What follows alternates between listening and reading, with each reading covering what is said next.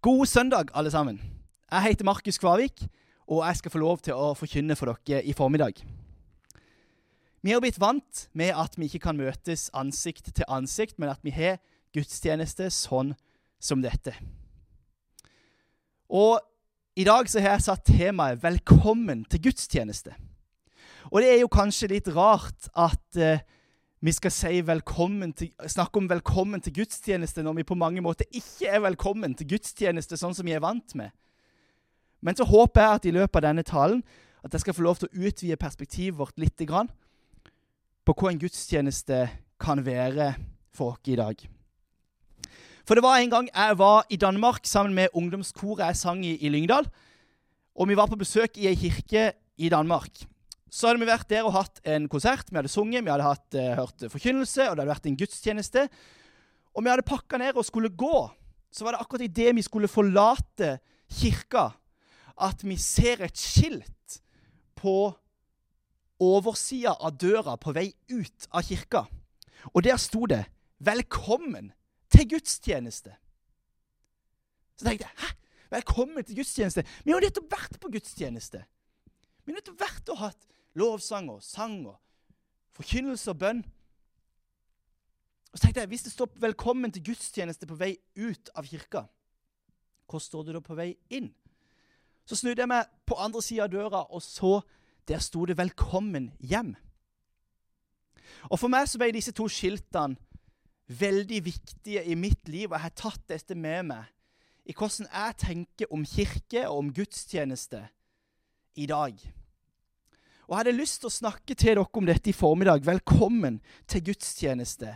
Hva er det vi tenker i en tid sånn som dette, med korona, med avstand?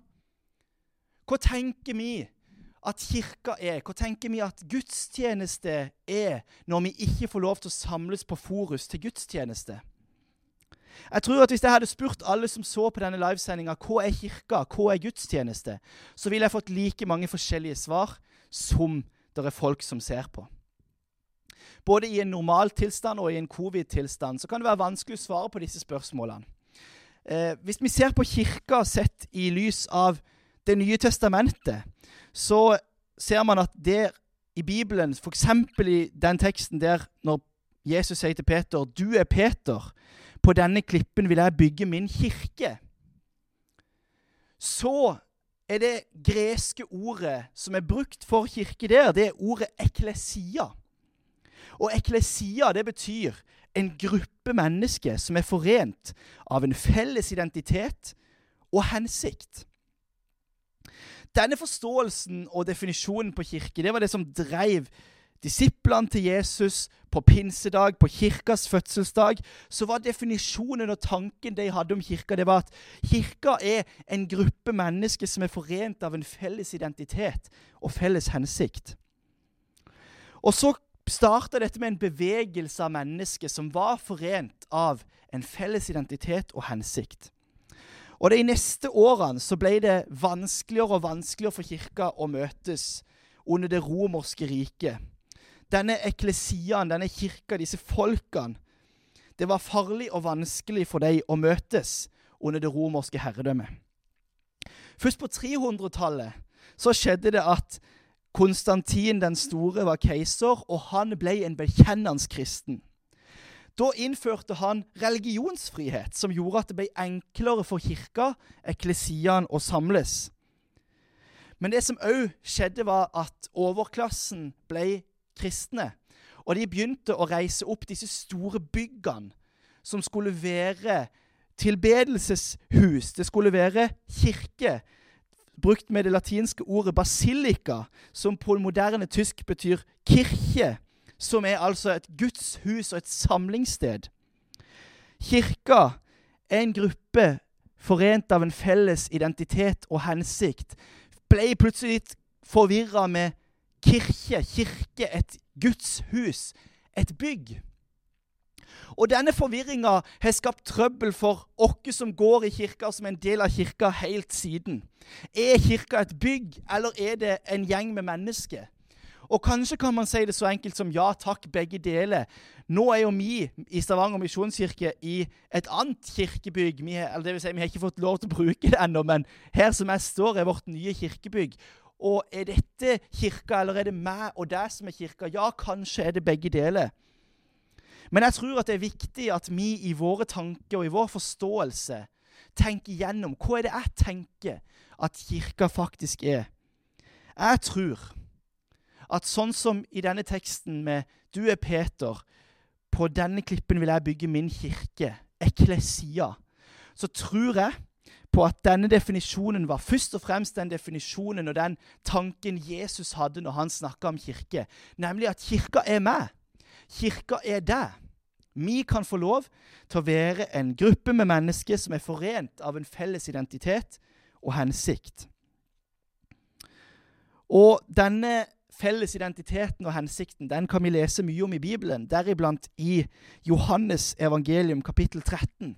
Der finner vi i vers 34 og 35 noe av hovedessensen i forhold til dette. Der står det Jesus sier, Et nytt bud gir jeg dere. Dere skal elske hverandre. Som jeg har elsket dere, skal dere elske hverandre. Ved dette skal alle forstå at dere er mine disipler, at dere har kjærlighet til hverandre. Og disse versene de ble ikke avlyst i mars 2020 av Erna Solberg. Kirka ble ikke stengt, heller ikke avlyst av Erna i 2020. Fordi kirka dreier seg først og fremst ikke om et bygg her på Forus eller inne i Stavanger sentrum. Kirka ble ikke stengt når koronasituasjonen kom.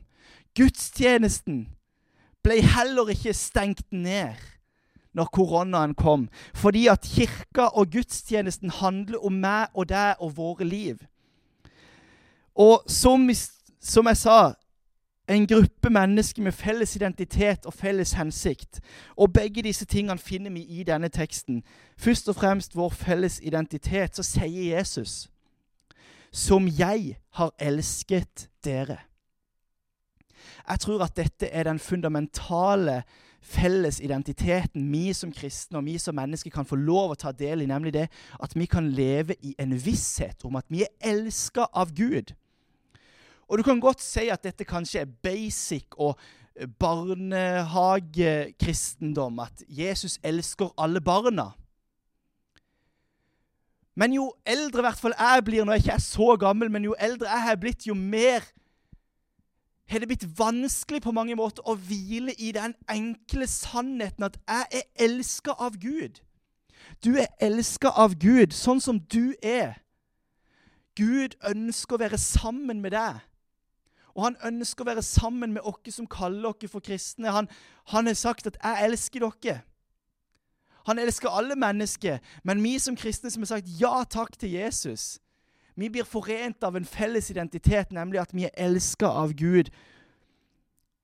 Og jeg håper at dette kan bli en formiddag der du kan ta inn over deg det faktum at Gud elsker deg. Det kan få lov til å være en identitet som du tar med deg inn i din hverdag. At jeg er elska av Gud. Tenk så stort det er at han som har skapt alt, og som er større enn alt, han elsker deg og han ønsker å være sammen med deg. Kirkas identitet, vi er en gruppe mennesker forent av en felles identitet, at vi er elska av Gud og lever i en relasjon til Han. Men i teksten så fant vi òg vår felles hensikt som kirke. Sånn som vi er blitt elska av Gud. Det står dere skal elske hverandre som jeg har elsket dere skal dere elske hverandre. Jeg tror at kirkas hensikt er at vi skal få lov å gi videre den kjærligheten som Gud har gitt til oss. Man kan godt si at kirkas hensikt er å ha gudstjeneste hver søndag og drive på med forskjellig bra arbeid. Men jeg tror at hvis du skal sette en paraply på alt som jeg tror at Gud ønsker at vi som kristne skal være og gjøre i den verden, i den byen og de omgivelsene vi er satt i, så er det det at sånn som Han har elska oss, skal vi elske de som vi møter i vår hverdag, på forskjellige måter. Som jeg har elsket dere, skal dere elske hverandre. Vi kan få lov å ta en del i Guds oppdrag, nemlig å forsone menneskene med seg sjøl. Gjennom å spre hans kjærlighet. Og så er det jo sånn at nå midt i koronarestriksjonene så kan man kanskje tenke at ja, det er vanskelig å spre kjærlighet nå.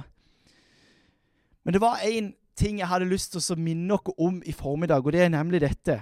At jeg tror at én meter unna fortsatt er nært nok til at folk kan få kjenne Guds kjærlighet. Én meter unna, som vi blir nødt til å holde nå i covid-tilstander, er fortsatt nært nok til at folk kan kjenne Guds kjærlighet gjennom ditt liv. En klem er bedre enn en albuehilsen, men en albuehilsen er bedre enn ingen hilsen. Ja da, en samtale gjennom ei to centimeter glipe i et bilvindu.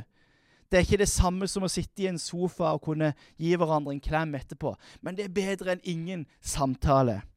En blomsterbukett på døra, et gavekort på en middag, en bønnestund over en FaceTime-samtale.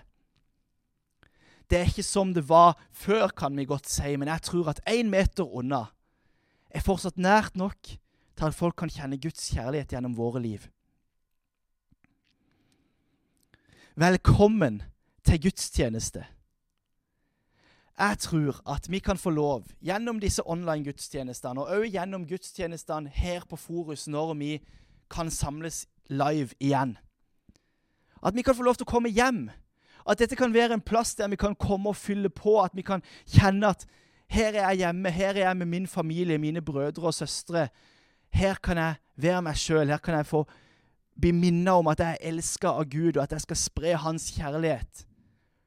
Og så har dette skiltet i Danmark på vei ut av kirka bare vært med å sette det fokuset i mitt liv at gudstjeneste er ikke noe som bare skjer i kirkebygget på søndagene klokka 11. Gudstjenesten er mine og dine liv.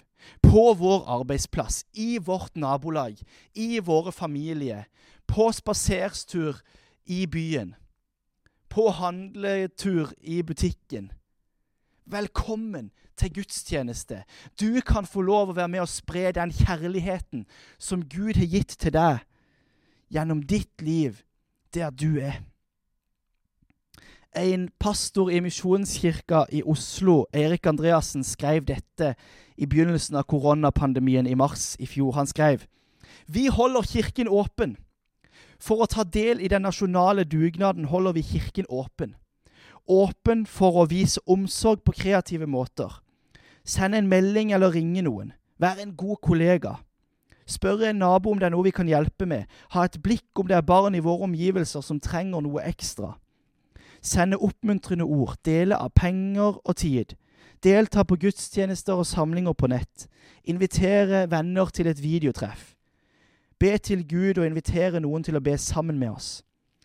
Be for alle i verden som har det betydeligere vanskeligere enn oss, og heve stemmen for disse. Kontakte ansatte i kirken om det er noe du lurer på eller trenger hjelp til. Kirken er ikke et arrangement i et bygg, det er deg og meg. Derfor er det åpent for å ta vare på hverandre og bry oss om Oslo, men òg Stavanger og Rogaland.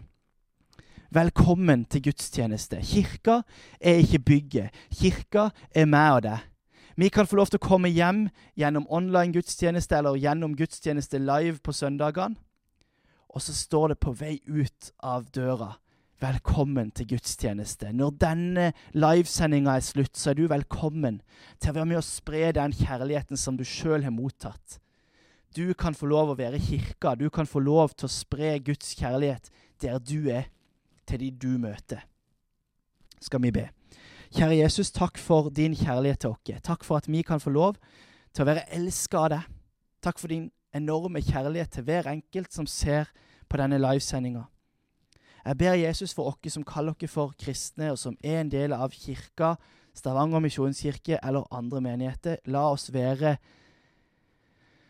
La oss gå ut med din kjærlighet, Jesus, og spre den til de menneskene som vi møter i vår hverdag. Takk for at gudstjenesten er ikke bare søndag klokka 11. I Jesu navn. Amen.